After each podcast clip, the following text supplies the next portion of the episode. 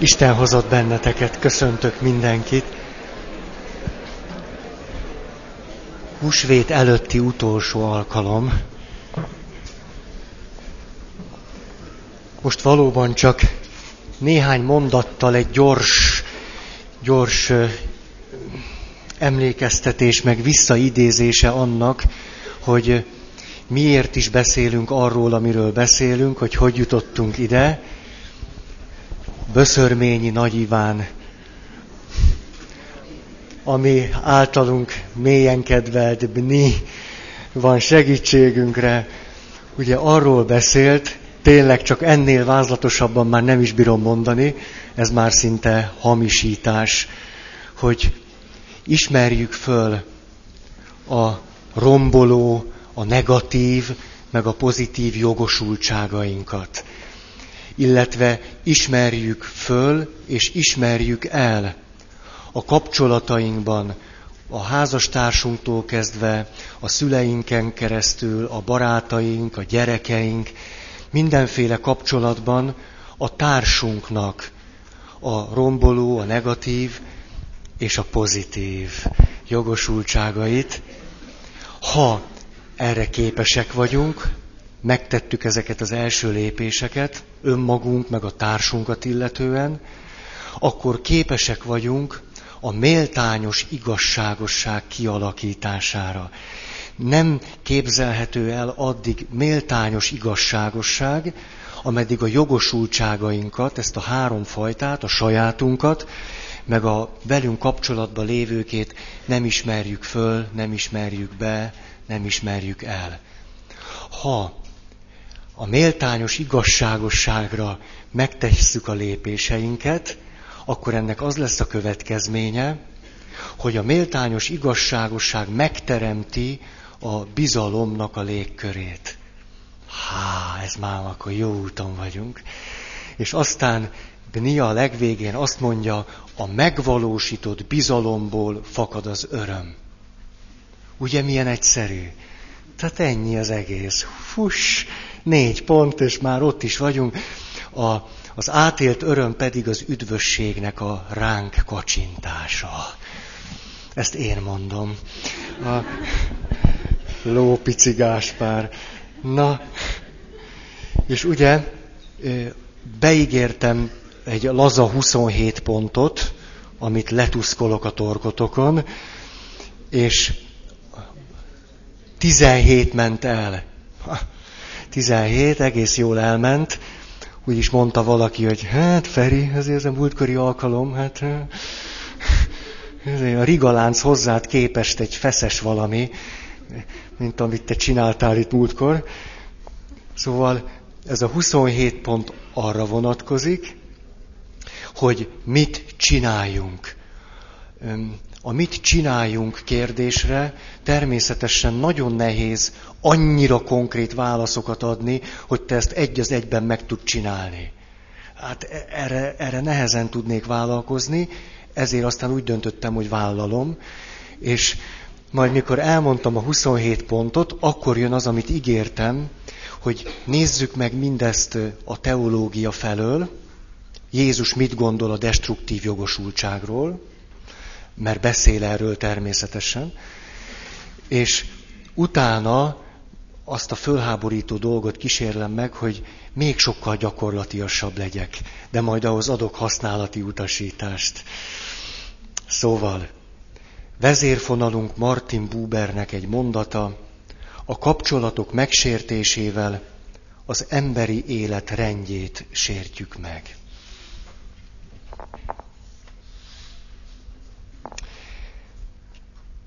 18. De sajnálom azokat, akik múltkor nem voltak itt.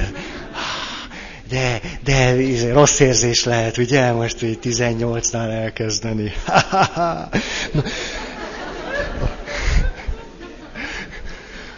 Arra gondoltam, hogy aki nem volt itt múltkor, esetleg nem tudja, mi az, hogy romboló jogosultság. Ezt most megmutattam, hogy ez miféle. Tehát a 18 annak elfogadása, hogy mások életéhez, jólétéhez, na, kezdem újból, annak elfogadása, hogy mások az életemhez, a jólétemhez hozzájáruljanak, és hozzájárulhassanak. Ugye itt a méltányosság miatt ez nagyon fontos, hogy én elismerem a te jogosultságaidat, és neked lesz egy csomó jogosultságod arra nézve, hogy a szeretetedet kifejezhessd az én irányomba. Hogy elköteleződhess mellettem. Hogy segíthess nekem. Ha én állandóan lepattintlak téged, megy ez nekem egyedül is, ez nem tesz jót a kapcsolatunknak. Ha képes vagyok beismerni azt a pillanatot, amikor elfogyott az erőm, akkor ezzel téged helyzetbe hozlak, hogy segíthess nekem. A munka hősei ezt nehezen teszik. Az áldott jó emberek. Tudjátok, az áldott jók, ők sosem kérnek segítséget. Bele is döglenek, ahogy kell.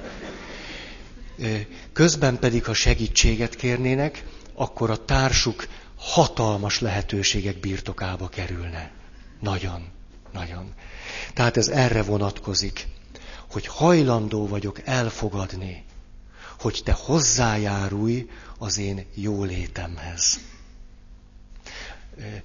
Aki nem ilyen kényszeres segítő, annak ezt nehéz elképzelni, hogy létezik ilyen ember.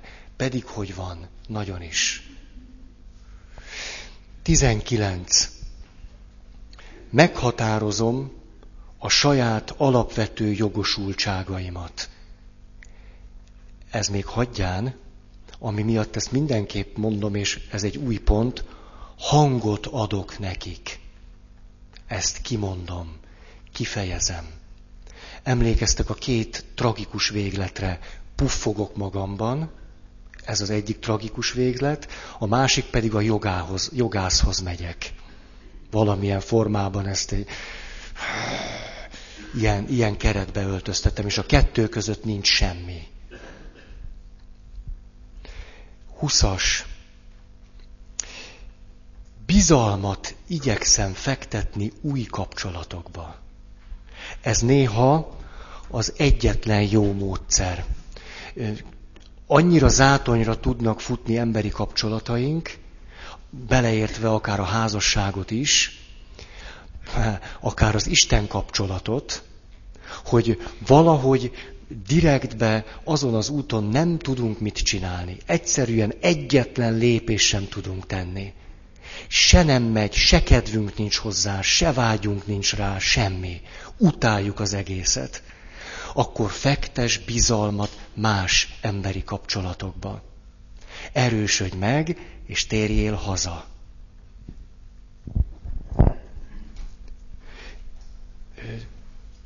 Van egy pont, mikor nagy bölcsesség belátni azt, hogy ez itt, ezen az úton tovább nem megy. Nem kell ezt szégyelni. Ha nem megy, hát nem megy. Viszont erősödni meg meg kéne. Mert közben meg felelős akarsz lenni abban a kapcsolatban. Annak semmi értelme, hogyha kipurcansz, és a kórházba kell menni téged látogatni. Ez nem egy jó megoldás. Fektes bizalmat más emberi kapcsolatokba majd, jaj, a csilla kedvéért lesz egy nagyon izgalmas rész ma, amikor csak a nőkhöz fogok beszélni. Erre gondoltam. Jó ötlet. Ah, ah, és akkor majd ezt egy picit bővebben is kifejtem. Azt, azt mondja. Ennek a párja, hogy hajlandó vagyok meghallgatni mások föltételeit, amikor ő a jogosultságairól beszél. Ezt hajlandó vagyok meghallgatni. 21. Fölismerem a meglévő lehetőségeimet és erőforrásaimat. 25 dolgot nem tudok megcsinálni. Mi az, amit meg tudok csinálni? Olyan izgalmas egy-egy beszélgetésben, 50 percen keresztül arról beszélünk, hogy mi az, ami nem megy. Nem megy, és nem sikerült, és tragikus, és ki vagyok purcanva és borulva. És akkor az 51. percben nem én, te azt mondod, hogy és igazából hát ahhoz végül ehhez meg kedvem lenne, és mondasz valamit. Na, na. Szóval az nagyon ritka, hogy annyira ki vagyok készülve, hogy semmihez sincs kedvem. Hosszú távon semmihez. Ez ritka. Lehet azonban, hogy ezt a kérdést nem teszem föl magamnak, hogy jó, 25 dolgot elrontottam ma, mi az, ami sikerült? 25 dolgot kipróbáltam, nem ment, van-e 26 Ezért legyetek nagyon kritikusak az olyan segítőkkel, papokkal szemben, akik állandóan a problémákkal foglalkoznak. Szóval néha hagyni kell az összes problémát a fenébe. Hagy rohadjanak meg ott, ahol vannak. Nem foglalkozunk velük, hanem azzal foglalkozunk, hogy mi az, amit csinálni lehetne. És akkor kezded mondani a problémát, jó, jó, jó pont. Ezeket mind hagyod, hagyod, hagyod. Mi az, amit tudnál csinálni? Teljesen be tudunk szűkülni a saját problémáinkba. Tökéletesen és akkor aztán puff, az utolsó ajtó is bezáródik. Ezt nevezik depressziónak. És akkor úgy érzed, hogy na, jó van, jó, sikerült magamat, jó megoldani. Néha ezt le kell rakni az egészet, és kiderül, hogy van egy lépés, amit meg lehet tenni. 22. Ha egy párkapcsolatban merül föl az ezzel kapcsolatos nehézség, akkor érdemes volna leülni, és megbeszélni azt, hogy hogyan lehetne a terheket közösen elosztani, és a nyereségeket közösen elosztani. Erről már volt szó, itt hagyd tegyek egy-két fontos megjegyzést. Nagyon fontos, hogy számba vegyük az otthonról hozott és megváltoztathatatlan adottságokat. Ezek a realitásokhoz tartoznak.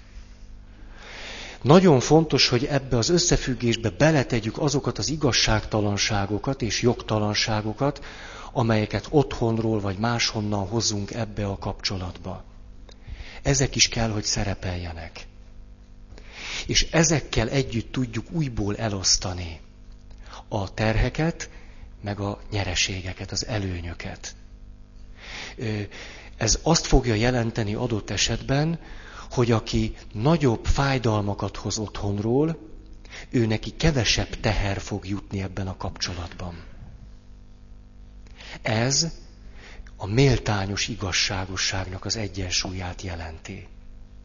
Persze erről muszáj beszélni. Hogy elfogadható-e az, hogy most ebben az életszakaszban te annyi romboló jogosultsággal és negatív fájdalommal vagy még, hogy neked ezeket is cipelni kell a mi kettőnk kapcsolatába. Hiába nem én okoztam neked. Ezt én hajlandó vagyok elismerni.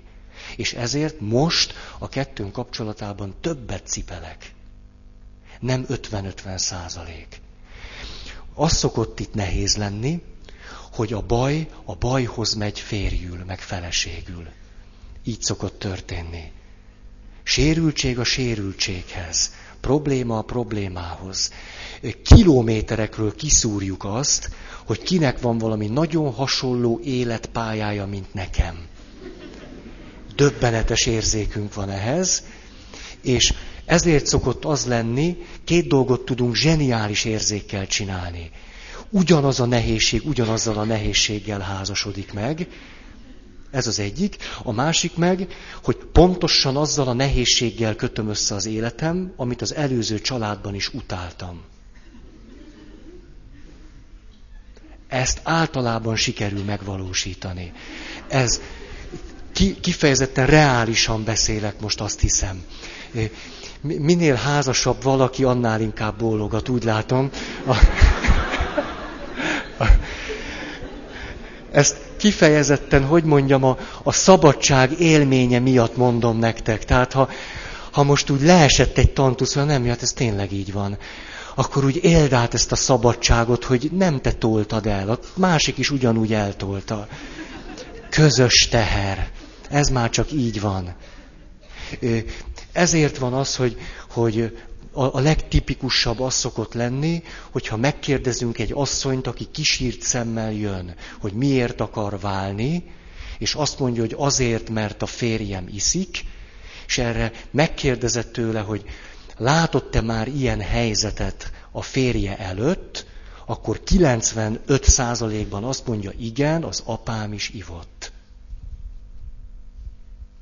Ez még akkor is így szokott történni az eseteknek meglepően nagy százalékában, ha a férfi nem ivott még akkor, amikor vele házasságot kötött az asszony. Ez. És ebben most semmi minősítés, itt semmi nem akar lenni, csak a jelenséget. Hogy, most nehéz volna értelmezni ezt a sok reakciót, amit lá... látok rajtatok, úgyhogy nem, nem, ebben most nem ismerek belemenni. A... Tehát ezt azért akartam elmondani, ha ilyen helyzetben vagy, vehetsz egy nagy levegőt, és azt mondod, hogy na, jó van, semmi baj nincs velem. Csak, csak pont úgy működök, mint egy normális ember manapság. Ezért lehetséges az, hogy ennek a tehernek a földolgozása mindenképpen három generáció együttes nézésével lehetséges csak. Nem, nem, nem, tudom ezt másképp mondani, csak így.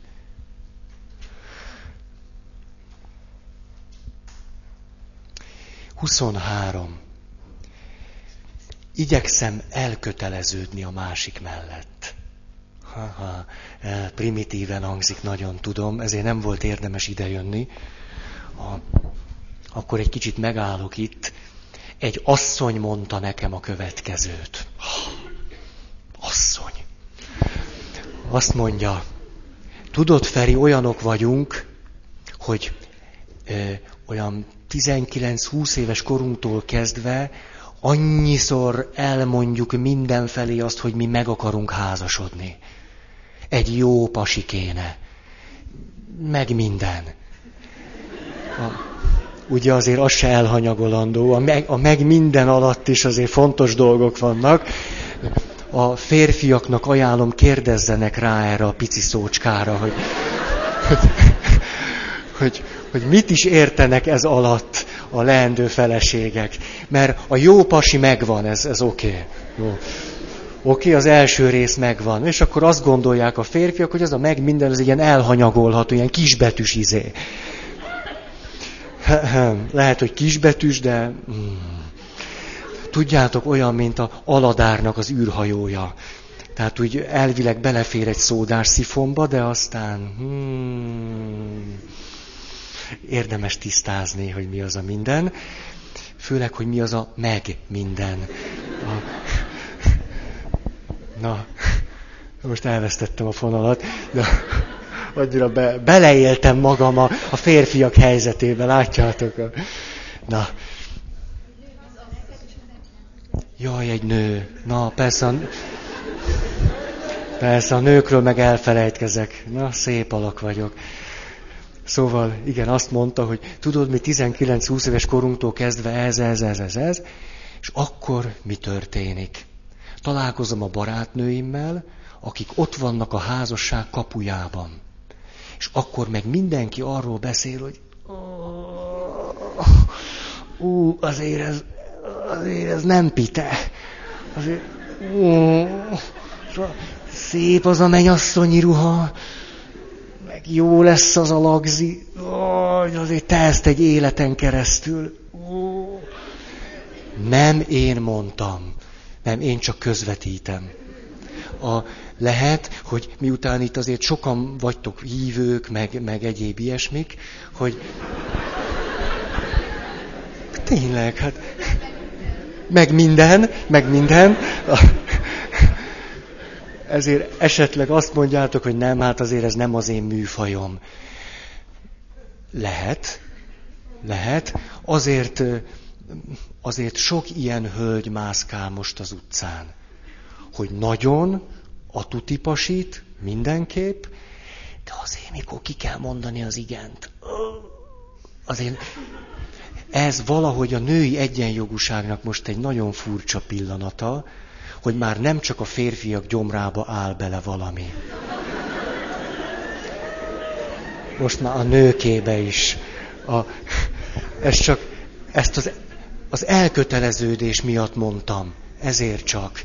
Tehát azért a nők is szeretnek úgy szabadok lenni, ahogy a férfiak. Az nekik se rossz. Hogy aztán ez így jó-e vagy nem, az megint egy másik kérdés. Ja, itt akartam még valamit mondani. A e, lelki gyakorlat élményeiből egy morzsát hadd helyezzek a ti tenyeretekbe. Ez pedig arra vonatkozik, hogy tudjátok, az mindig olyan szép, mikor a liturgiába benneteket is aktívabban bevonunk. Ez olyan szép. És akkor ma két történetet is el fogok mesélni a Hívek könyörgése című műfajból, amikor a pap is könyörög, hogy Istenem, ezen legyünk túl, hogy a, mikor három diplomás testvéremnek odaadom a Hívek könyörgése című könyvből a megfelelő lapot, és ott mondjuk az a mondat szerepel, hogy Istenünk áld meg en pápánkat, és adj neki bőséges életet. Most tudjátok, az en az arra utal, hogy név. Név. Tehát oda egy személy neve kerül. Hát azért nem mindig kerül oda. És akkor kis, tudjátok, Istenünk áld meg en pápánkat, és hát mégiscsak a pápáról van szó, hát azért akár, hogy nem mondom ezt ki. E, e, en pápánkat, vagy ezt méltósággal. En pápánkat. Na jó, ha ezen a stresszes dolgon túl vagy, mert ez az első könyörgés szokott lenni. Tudjátok, a, az egyetemes könyörgéseknek is van hierarchiája. Tehát pápától kezdjük, és nálatok fejezzük be. A, tényleg így van. Na, a, szóval, és akkor egy ilyen családi misén a pap teljes jó szándékával írt egy sereg a helyzetnek megfelelő szándékhoz illő könyörgést, és akkor így olvasta az egyik kedves tesó, azt mondja, hogy Istenünk, segíts nekünk, hogy megtarthassuk a háztartási hűséget.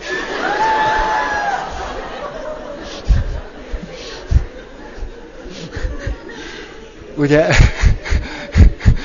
ezek azok a pillanatok, amikor a pap nagy teher alatt van. Mégiscsak ő a liturgia őre, meg ilyesmi, de hát ilyenkor jó lenne egy kis kapu, tudott kimenni.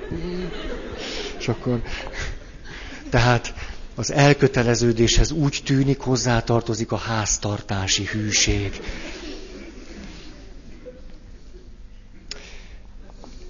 Na igen. 24. E, ez igazából olyan, amit már egyszer elmondtam, nem tudom miért írtam még egyszer. Nyitottság arra, hogy az igényeimet megosszam és kifejezzem. Jó. 25. Ez viszont egy izgalmas kijelentés. A másik jó indulata, megelőlegezett bizalma nem gyöngeség. Vagyis nem Gyöngeségnek tekintem azt, amikor a másik megelőlegezi nekem a bizalmat. Amikor elismeri az én romboló jogosultságaimat. Amikor többet vállal, mint 50-50 százalék. Mikor együtt érez és elfogad. Ez nem az ő gyengesége. Ez nagyon fontos mondat. Nagyon. Mert egy pillanat alatt ki lehet használni azt a valakit, aki megpróbál megbízható módon válaszolni a másik embernek a kihívásaira. És a másik, ez lehetek én, egy pillanat alatt megneszelem, hogy ez az ember hajlandó bejönni a csőbe. És jó szándékkal vagy rosszal, tehát tudatosan vagy nem, elkezdem őt kihasználni. Nagyon súlyos dolog ez. Ismerjem föl, amikor ebbe az irányba megyek el. és gyöngeségnek tekinteném azt, hogy te adsz nekem egy újabb esélyt. Nem gyöngeség.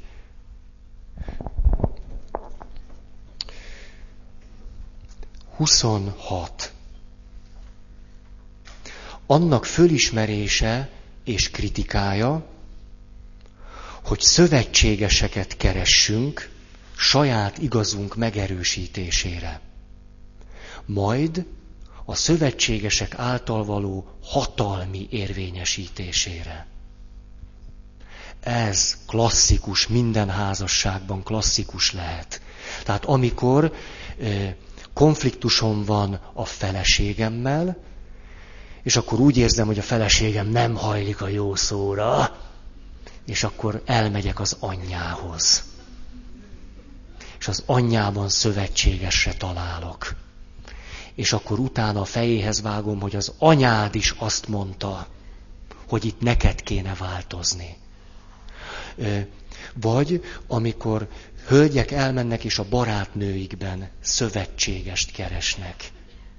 Akkor jól megbeszélik, hogy miért hülye a férjük,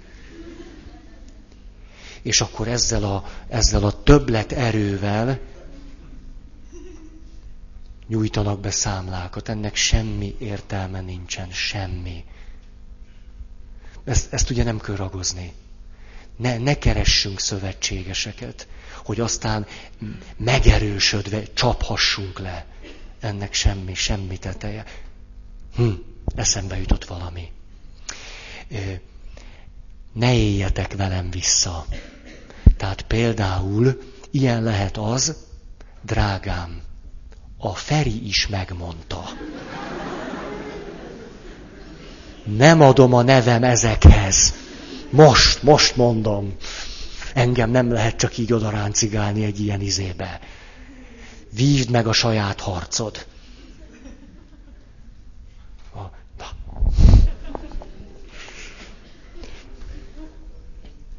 27.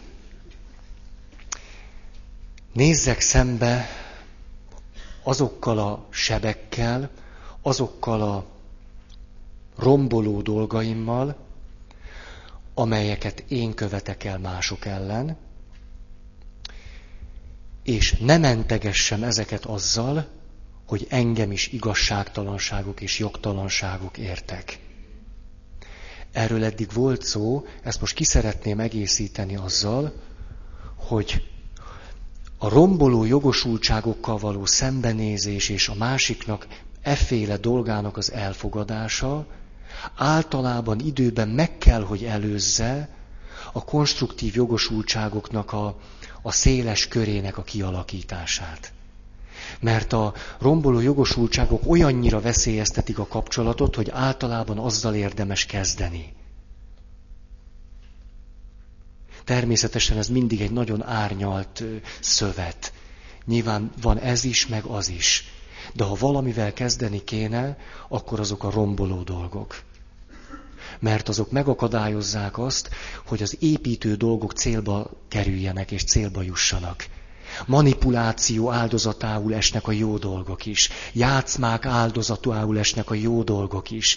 Kihasználás, hatalmi küzdelem, minden a legjobb dolgok is elves, elvesznek egy ilyen feneketlen veremben. Tehát ezeknek van valamiféle elsőbsége a romboló dolgok föltárásának. Mert különben megélhetjük azt, hogy egy csomó energiát, pozitív dolgot fektetünk bele a kapcsolatba, és elvész az egész. Először meg kell varni a tömlőt, utána lehet beletölteni a bort. Hú, hát ez de, de, de, ezt de eltaláltam.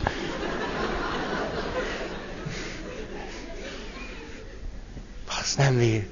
Érdemes volt 37 évet élni azért. Na, egy záró történet, megint csak az egyetemes könyörgések világából, a hívek könyörgésének a világából, mert hogy most befejeztük, ugye erre vonatkozik a történet, megint csak valaki mondja, ugye nem értitek félre. Vagyis, hogy én most nem titeket akarlak bántani. Ugye ez oké. Okay. Hát szóval nem ezért mondom. Hát a misének nincs olyan része, amit ne rontottam volna már el. Egy se. Nincs, már mindent elrontottam. Komolyan. Tehát azt hiszem az összes térthajtást kihagytam már valamikor, oltárcsókot, mindent. Szóval az a szerencsém, hogy nem szoktam egymisében az összes dolgot elrontani. Ez, azért ez adhat nektek egy légy, létbiztonságot. De tudjátok, egy, egy valami azért, hogy mondjam, mindig nagy segítségemre van, amikor általam nagyra becsült papoknak a bakiai eszembe jutnak. Ezek szoktak kihúzni a bajból. Mikor azt gondolom, hogy inkább eltűnnék a föld alá, akkor eszembe jut mondjuk egy rén kedves spirituális atyám, egy nagyszerű pap, aki azt a csodát volt képes megtenni a papnevelő intézetben, hogy a bort kenyérré változtatta.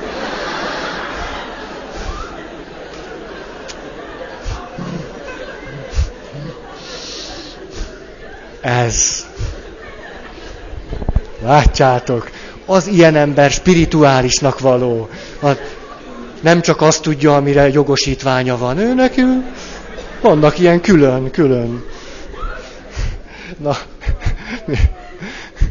szóval erre szoktam gondolni, amikor valami nagy maraságot csinálok. Szóval hívek könyörgése. Utolsó könyörgés arra vonatkozik, hogy add meg, Urunk, elhunyt en testvérünknek, itt, itt illető résem volt, bemondta, nem tudom én, töhötöm bátyánknak, hogy örök élet, stb. És utána volt még egy ilyen nagyon szép félmondat, hogy és segíts bennünket, hogy a pály, az előttünk álló pályát mi is győztesen fussuk végig. Ugye Pálapostól idézett, gyönyörű szép. Na ez a következő kép hangzik el. Add meg mindenható atyánk, hogy elhunyt töhötöm testvérünk, stb. stb. És mi, akik még ezen a földön élünk, a pályát győztesen fossuk végig.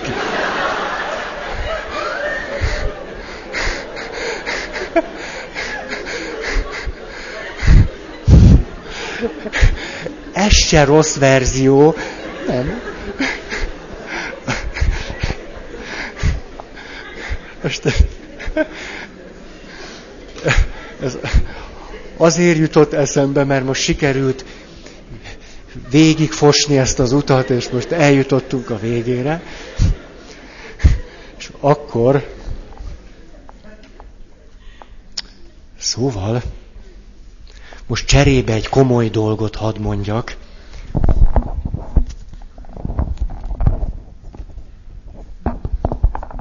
Lelkesítő néhány mondat. Tényleg, egy pár példa arra, hogy ö, egészen Böszörményi Nagy Ivántól, hogy milyen példákat hoz ő arra, amikor valaki neki lát ennek a munkának, főleg a szüleivel való kapcsolat, az onnan jövő stb. stb. gyógyításának, hogy az milyen megdöbbentő helyeken is eredményekre vezet. Mondok egy pár ilyen történetet. Néhány hónap ellenállás után a fiatal asszony elhozza egy telá,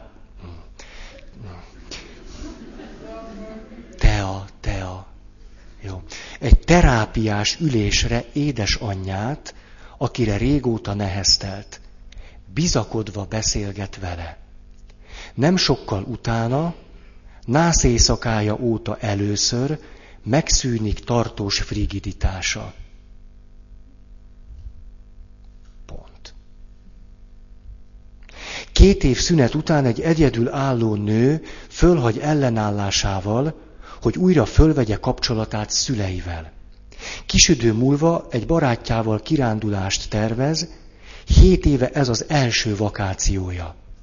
Ugyanakkor el tudja határozni, hogy abba hagyja az ivást, amely régóta uralja életét.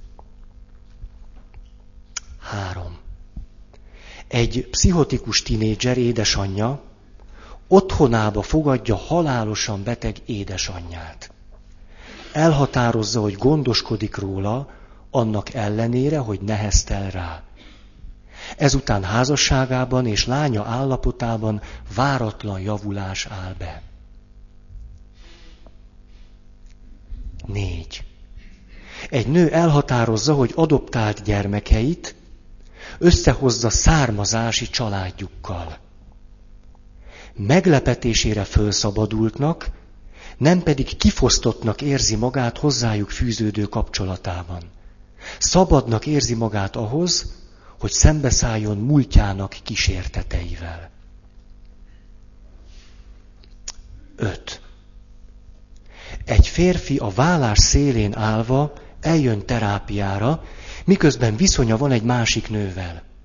Régóta megszakította kapcsolatát szüleivel, akik iránt vegyes, haragos érzéseket táplál.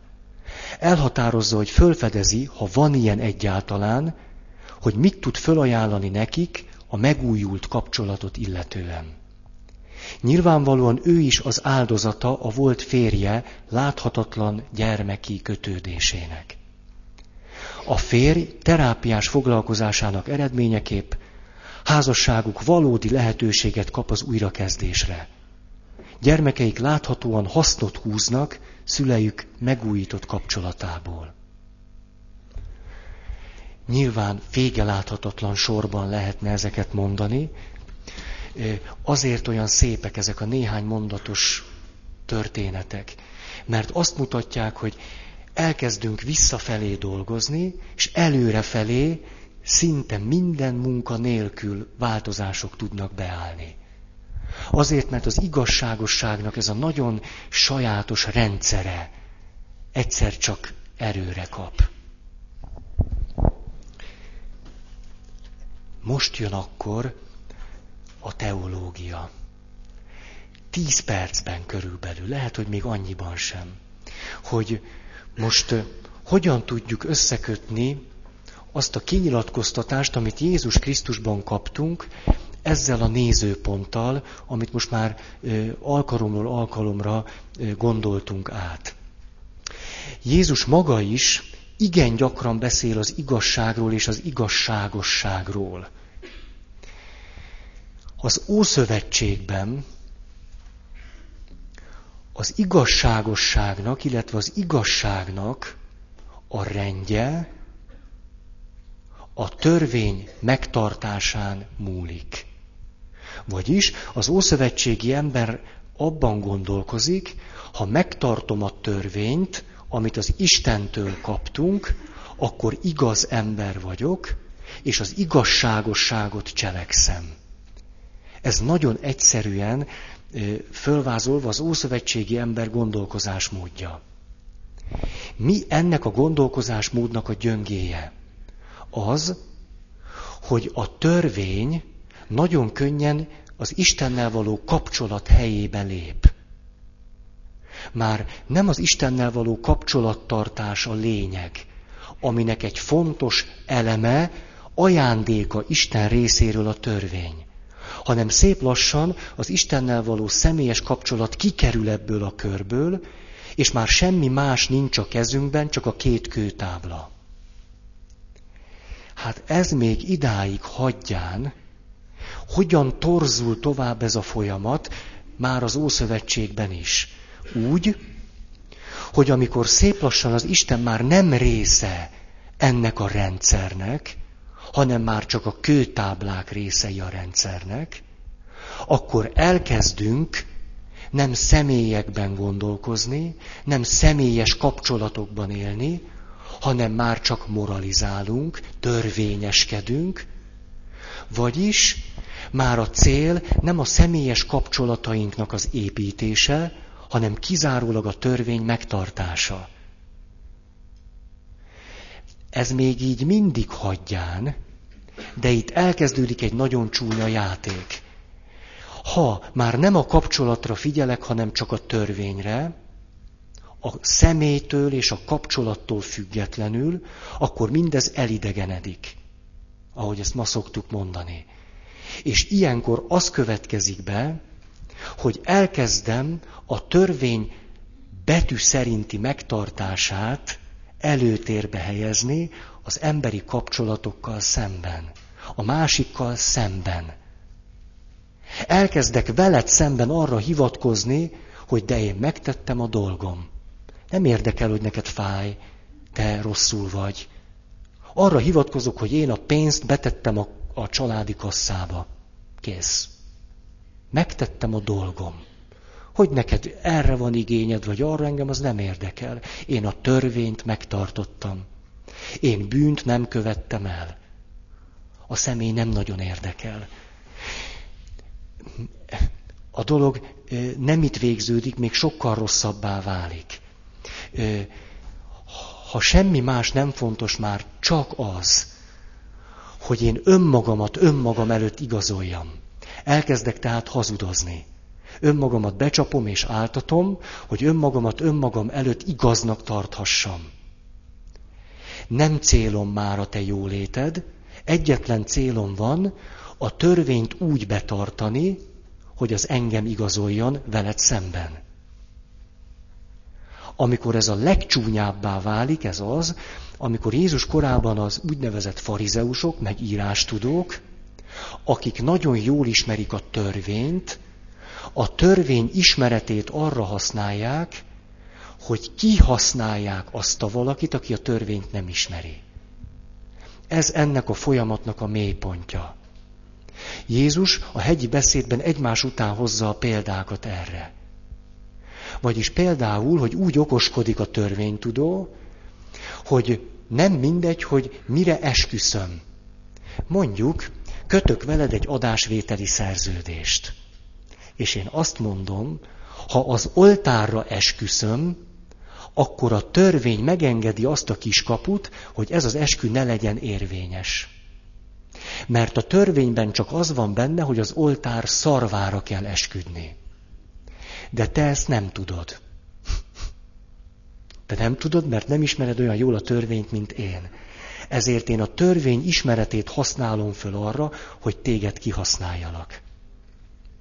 Majd Isten elé állok, és azt mondom, én a törvényt megtartottam. Idáig jut el a farizeus. Miközben a tudatában az van, ez akármilyen aberált is már itt a végén, hogy ő az igazságosság rendjében létezik. Ő a törvényt megtartotta. Egy becsületes farizeus azt csinálta az Ószövetségben, hogy a következőkép okoskodott. Egyrészt kihasználta a másikat a törvény ismerete által, de ez még hagyjám. Azt is pontosan tudta, hogy nem képes a törvényt mindig megtartani. Ezért mi csinált? Kitalálta azt, hogy milyen mértékben kell a törvényt túlteljesítenie ahhoz, hogy ezzel valamiképpen kompenzálja azokat a helyzeteket, amikor nem tartja meg a törvényt. Tehát megtartott olyasmit, ami nem volt törvény, és állandóan odaállt az Isten elé, és azt mondta, hogy én egálban vagyok. Nekem semmi dolgom nincs. És közben az emberi kapcsolatok szanaszétestek. Ezért mondja Jézus azt, hogy ha megütik a jobb arcodat, tartsd oda a balt. Vagy ha a bal, tartsd oda a jobbat. Nem tudom. Ti tudjátok? Ha mindjárt meg tudom én azt mondani. Na, jobb és bal. Tudjátok miért? Mert a törvény azt is szabályozta, hogy ha megütik az egyik arcodat,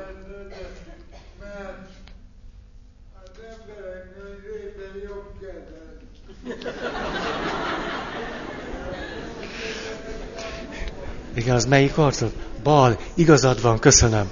Tehát a törvény azt mondta, hogy ha a valakinek jogtalanul megütöd a bal arcát, ezt a bűnödet megválthatod valamennyi pénzzel. Pontosan lehetett tudni, mennyi pénzzel. Igen ám, de ahogy ezt segítségeddel sikerült most kiderítenünk, ha az átlag ember jobbkezes, akkor a másik ember bal arcát üti meg.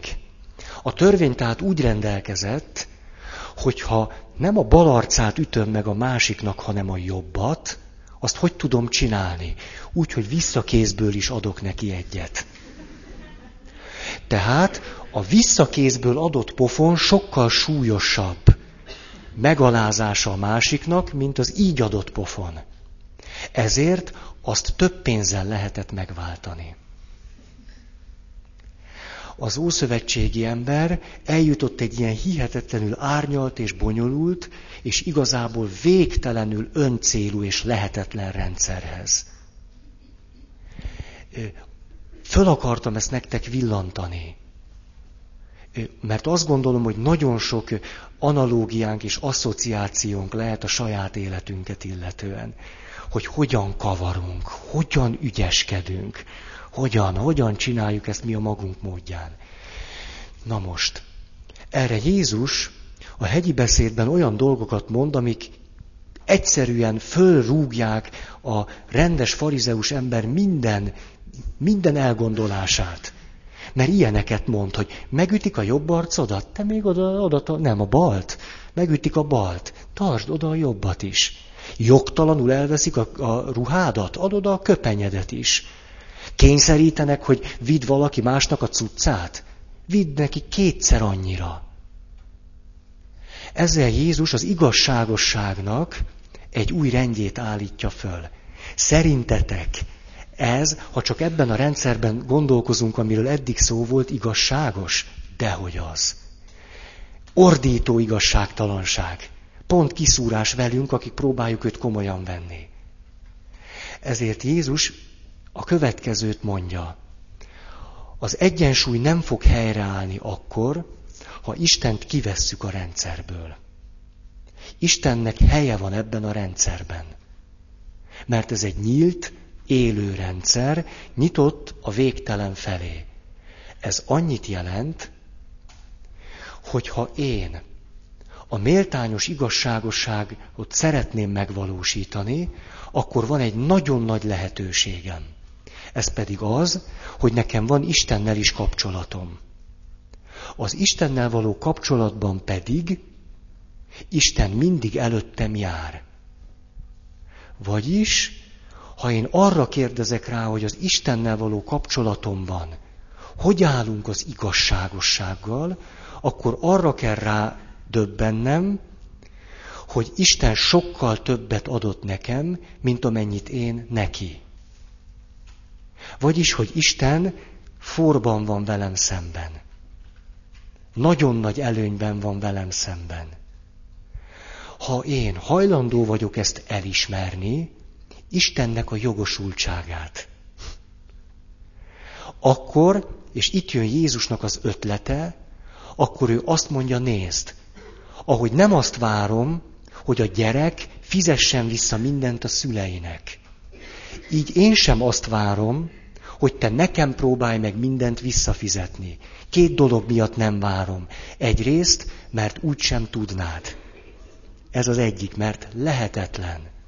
A másik pedig azért, mert én elküldtelek téged ebbe a világba, és azokat az adósságokat, amelyeket velem való kapcsolatodban tudatosítottál, az én jogosultságaim fölismerése által döbbentél rá, ezt kérlek szépen úgy fizesd meg, hogy amikor a másik kiszolgáltatott, akkor őt szereted.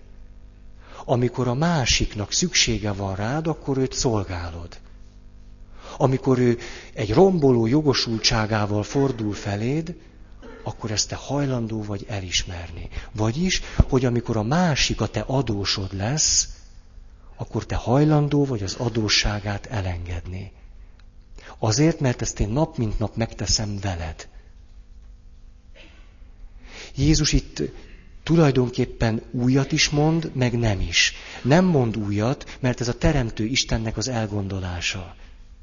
Újat mond abban, hogy egy nagyon sebzett, velejéig fonákjára fordult rendszert meggyógyít. Visszahelyezi oda, ahol az, az kellene, hogy legyen. Ezért én most hívő emberként azt mondom arra a kérdésre, hogy mit lehet csinálni. Szerintem az arany út az, hogy erősítem az Istennel való kapcsolatom. Ebben fölismerem azt, hogy Isten milyen hihetetlenül sok mindent adott nekem. De nem neki fizetem vissza, hanem ahogy a gyerek nem a szülőnek fizeti vissza, hanem a saját gyerekének, én nektek fizetem vissza. Nem az én ötletem, Jézus mondja ezt. Amit a legkisebbnek tesz az én nevemben, azt nekem teszitek. Hm, ennyi. Szerintem ez egy nagyon szép rendszer. És közben fölveti azt a nagy nehézséget, hogyha te nem egy nyílt rendszerben gondolkozol, ahol, ahol mindenképpen Istentől kapsz egy csomó mindent, akkor honnan veszed az erőt, hogy te elismert folyamatosan sok embernek a romboló és negatív és pozitív jogosultságait? Hogy fog helyreállni a te igazságosságba vetett bizalmad? A te egyensúlyod hogy jön, hogy jön létre? Nem, nem tudom. Én, én azt mondom, hogy számomra az ég nyitva van. Tehát, ha én azt érzem mondjuk egy este, hogy ez nem lehet igaz, hogy, hogy, hogy én, én úgy érzem, én magamat teljesen kizsigereltem ma. Hát ma mondjuk 11 órát gyontattam szünet nélkül. Hát nem vagyok normális. Mondjuk egy ilyen. És akkor a következő kis rossz érzésem, meg gondolatom az lenne, hogy és mit kapok én? Egy ilyen akkor szépen kicsit fújtatok, iszok egy teát, az nagyon fontos, és akkor rájövök arra, hogy mennyi mindent kaptam én ma. Istentől mennyi mindent kaptam, te jó ég. Rengeteget. Hogy mennyi nyavajámról elfelejtkeztem például, miközben gyóntattam. Eszembe se jutott, hogy rosszul kéne éreznem magam bármitől. Ha, de jó. Elment úgy egy nap, hogy nem sajnáltattam magam. De ez nem egy áldás. Hát a környezetemnek biztos, de, de nekem is. Szóval az ég nyitva van, és ez hihetetlen nagy erőforrást ad, hogy, hogy látszólag többet fektessünk be az emberi kapcsolatainkba, mint amennyit kapunk. És főleg, hogy kevesebbet várjunk, mint amennyit tudunk adni. Ne, ne várjunk vissza mindig ugyanannyit. Várjunk, tehát kölcsönösség az fontos. A, talán az lehet egy, egy, egy lehetőség, hogyha valaki a szüleivel való kapcsolatát rendezte, hogy azért, azért ott hatalmas tartalékok vannak. Hatalmasok ha úgy kipanaszkodtuk magunkat, hogy mi mindent nem kaptunk, hát azért mégiscsak több évtized van mögöttünk. Már hogy azért a szüleink azért, azért mégiscsak, azért valamit csak betettek ebbe a kapcsolatba. Lehet, hogy az derül ki, hogy akármennyi sérelmünk is van, azért ők még mindig többet adtak nekünk, mint mi nekik. Hát még ez is kiderülhet. Ezt akar, nem tudom, hogy ez hány perc volt, de, hm, de csak úgy fölvillantani nektek. Így lehet jól érteni azt, hogy Jézus arról beszél, hogy, hogy adjatok és kaptok, keresetek és találtok. Ha megbocsátjátok mások bűneit, nektek is meg fognak bocsátani. Ugye ilyenkor ö, megrándul bennünk valami, hogy mi, Jézus ilyen adok, kapok, ilyen, ide zuhan vissza, dehogy is. Nem, nem, nem. Az eddig elmondottak alapján lehet ezeket a kijelentéseket értelmezni jól. Ez akart lenni a néhány perc, hogy hogyan láthatjuk ugyanezt a gondolatot Jézusnál, ami persze egy kicsit hülyé hangzik, ugye, hogy hogy innen jutottunk el Jézusig, és akkor, mintha Jézus azt értette volna meg, amit Böszörményi Nagy Iván. Hát ez egy kicsit gyengén hangzik. Tehát nyilván nem ezt akartam mondani. Na most, most jön az a nagyon szép rész, hogy a következő mondataim a hölgyeknek szólnak. A a nőkhöz kívánok szólni. Ez van most. A következő a szándékom. Az egyik, hogy ezzel megtiszteljelek benneteket. Tehát olyan, olyan nagy becsben vagytok, hogy hozzátok külön szólok. Ez, ez nem, ugye nem értitek fél, és nem magamat magasztaltam ezzel, hogy én szólok, nem az, hogy én szólok, nem, hanem hogy, hogy, hogy megértek egy misét. Egyet. Na. A, a, és ezzel a férfiaknak is nagyon sok mindent szeretnék adni. Azt, hogy ők most hátradőlhetnek a széken. Na ez most nem rám vonatkozik. Ezt most a nőknek van. Oké? Okay? A legnagyobb jó szándék vezet engem. Egy olyan valakinek a gondolatait mondom, aki egy másik amerikai csodabogár, terapeuta foglalkozású, és Böszörményi Nagy Iván gondolatai nyomán nagyon sok gyakorlati, jópofa dolgot írt. Rengeteget. Ő fog segíteni nekünk abban, hogy, hogy tudjunk arról beszélni, hogy még konkrétabban hogy lehet ezt csinálni. Még konkrétabban. Azt mondja, úgy tűnik, és most mindent a ti jó szándékotokra bízok, amit mondok, hogy nehogy úgy vegyétek, hogy most ilyen nők bántása, meg ilyen izé marhaságok. Úgy tűnik, hogy tele vagyunk rossz szokásokkal. Minden párkapcsolatban kiderül az, hogy hozunk egy csomó rossz szokást a kapcsolatokba. Na már most, a rossz szokásokat megváltoztatni férfiaknak és nőknek is iszonyatosan nehéz.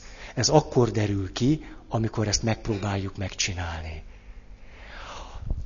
A férfiaknak ezt egy kicsit nehezebb. Ezt azért mondom, mert mi fafejűbbek vagyunk.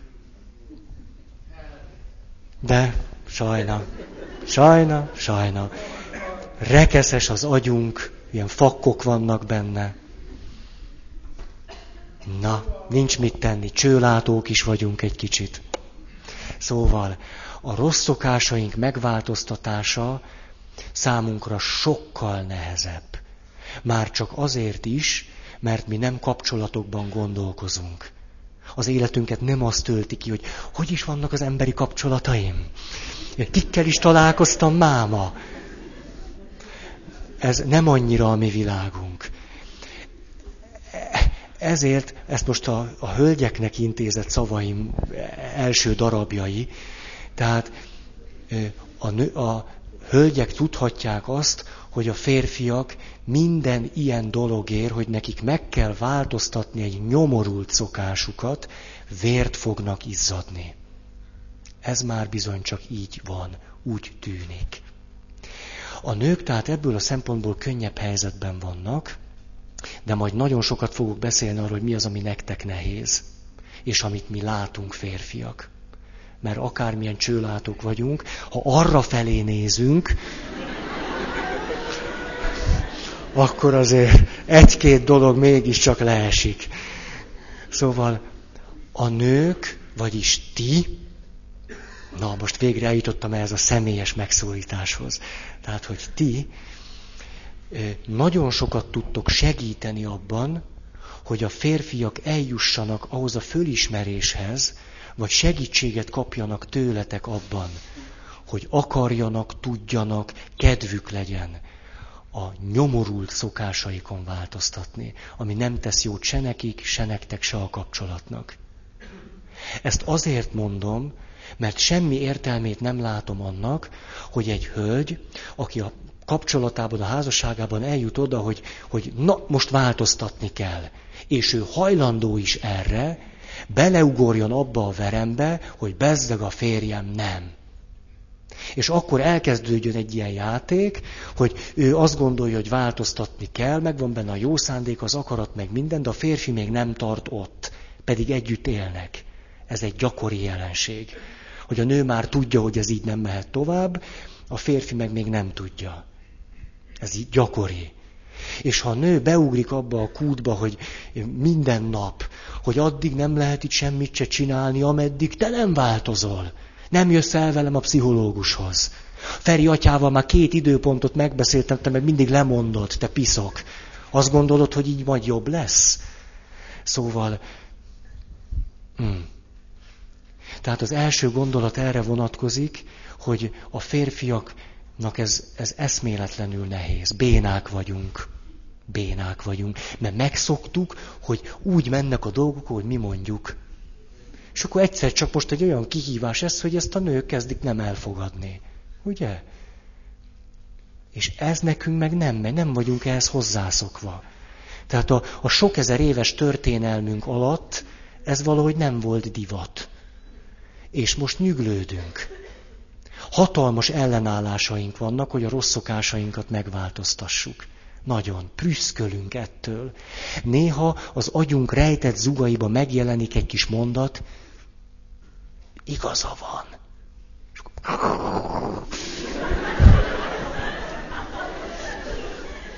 És csak a halál veszély indít bennünket a változásra. Szóval, az első, tehát ez, ez. Ne attól várjátok, de ezt nagyon jó indulattal mondom, hogy ne attól várjátok a változást, hogy a férjetekből kipasszírozzátok azt, hogy tartson ott, ahol ti tartotok. Hm, ez nem fog menni. A, a másik, ami, amit nagyon, Szóval, hogyha belenézünk a csőbe, és jó felé nézünk, akkor ezt látjuk mi férfiak is, hogy nektek hihetetlenül nehéz helyzetetek van manapság.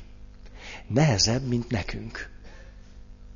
Azért, mert szeretnétek gyereket, gyerekeket, szeretnétek karriert, szeretnétek szabadok is lenni, szeretnétek boldog kapcsolatokat, szeretnétek ti is dárcozni, meg biliárdozni.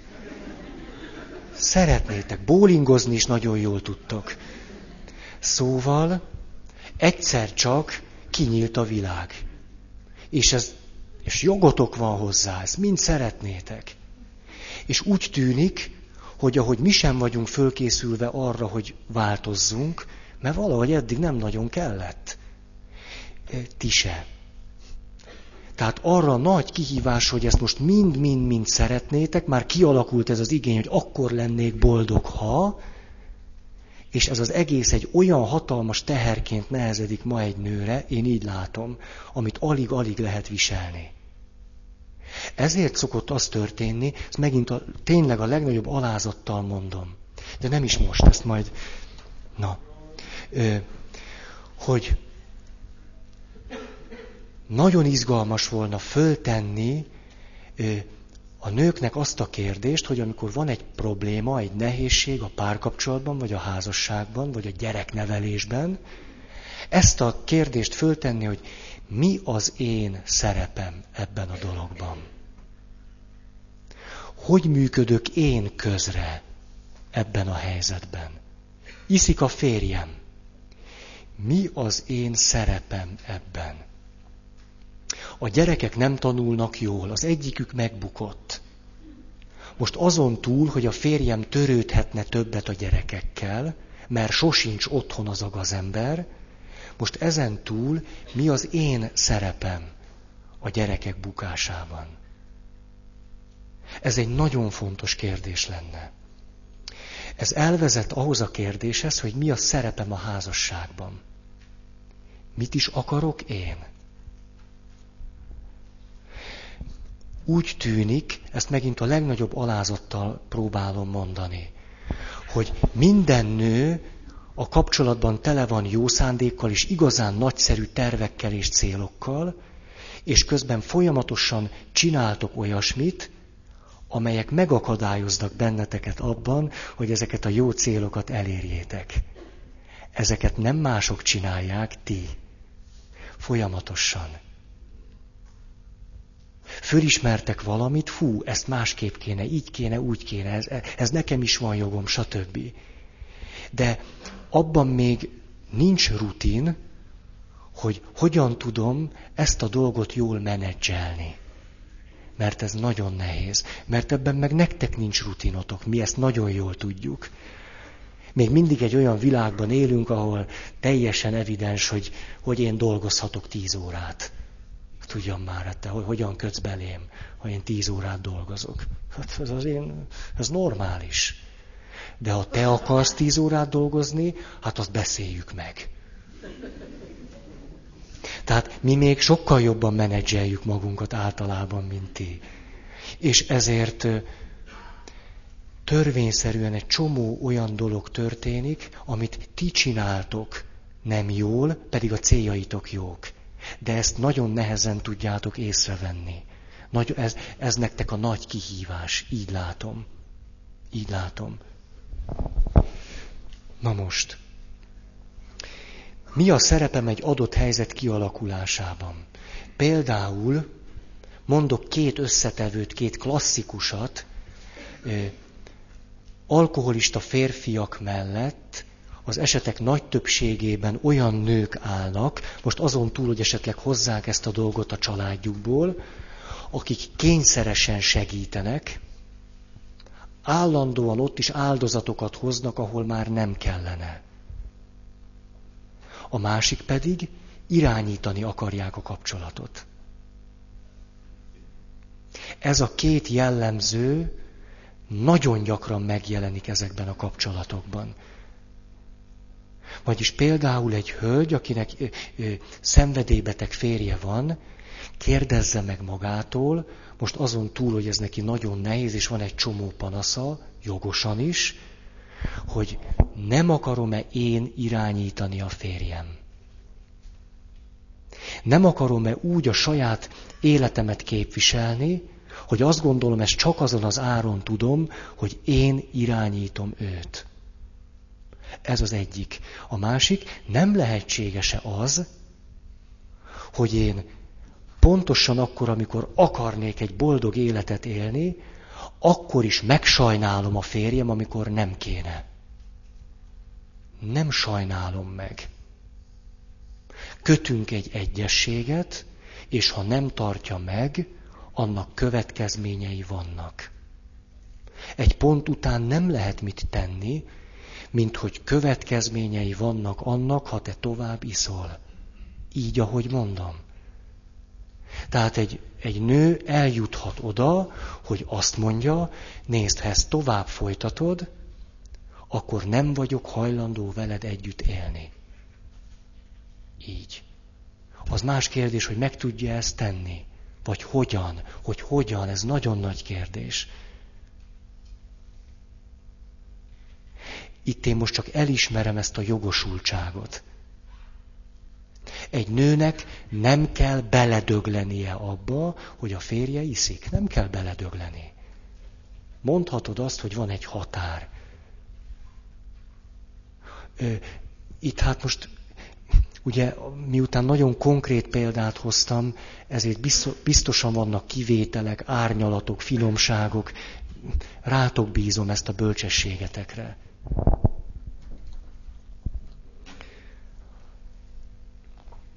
Aztán a következő, megtanulni azt, hogy nem folyamatos elvárásokkal fordulok a férfi felé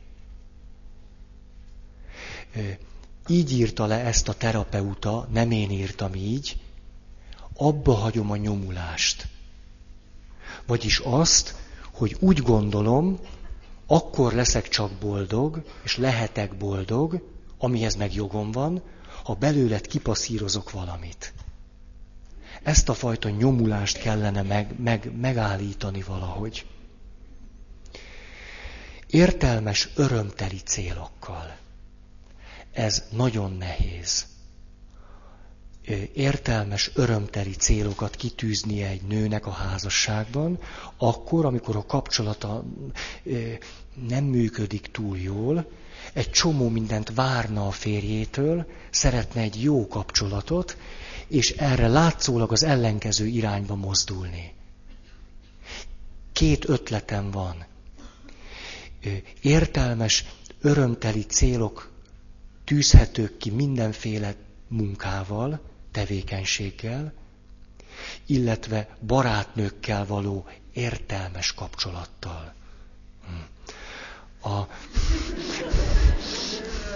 Tehát ahol, ahol az, na, szóval abból valami kijön. Tehát az nem közös szapulása a férjeknek. Az, abból nem sok minden jön ki. Mi az, amit kifejezetten nem ajánlanék? Két dolgot mondok. Az egyik, a céljainkat a gyerekek felé irányítani, tehát hogy a nő a céljait a gyerek felé irányítja, és azt mondja, akkor legyél te az életem értelme. Ezt kifejezetten nem ajánlanám. Azért, mert a gyerek kap egy akkora túlterhelést, amiről beszéltem. Kap aztán annyi romboló jogosultságot a te jó szándékottól, mint a csuda. Ne, ne, ne a, ne a gyerek, ne, nem ő a céltábla az én értelmes életemnek. Nem. Ez persze egy nőnek nagyon nehéz csinálni. Tudom. Hát nő vagyok én is. A, a, a másik, közben idő van. Ez a még rosszabb megoldás. Ez pedig az, hogy értelmesnek és örömtelinek tűnő célokat tűzök ki más házas férfiakkal való kapcsolatomat illetően. Ezt most így mondtam, de ezt nagyon komolyan gondolom. Azt, azt hiszem, hogy nem, nem, hogy mondjam, nem sokat hoz a konyhára. Házas férfiakkal kapcsolatosan örömteli, értelmes célok kitűzésének. Ez nem olyan jó irány. Egy-két hétig annak tűnik. Egy-két hónapig is annak tűnhet. És utána sokkal rosszabb helyzetben vagy, mint voltál valaha. Ez nem annyira jó irány. Kicsit olyan primitíven is mondtam ezt, de oj, csak látom ezt, látom. Mert ebbe a két irányba vannak hihetetlen nagy erők. Hát egy nő mi mást akar, mint egy férfivel jó kapcsolatban lenni. Hát világos. Meg, meg, meg anyukázni. És pont nem ezt kell csinálni, ez nagyon nehéz. Iszonyú nehéz.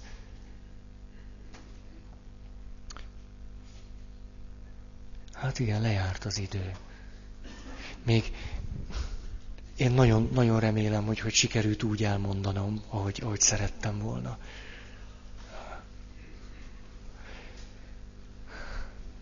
Akkor nagyon áldott húsvétot kívánok nektek. Nagyon áldott nagy csütörtököt, nagy pénteket, nagy szombatot, húsvét vasárnapot, meg húsvét hétfőt. És akkor már csak hatot kell aludni, és akkor találkozunk.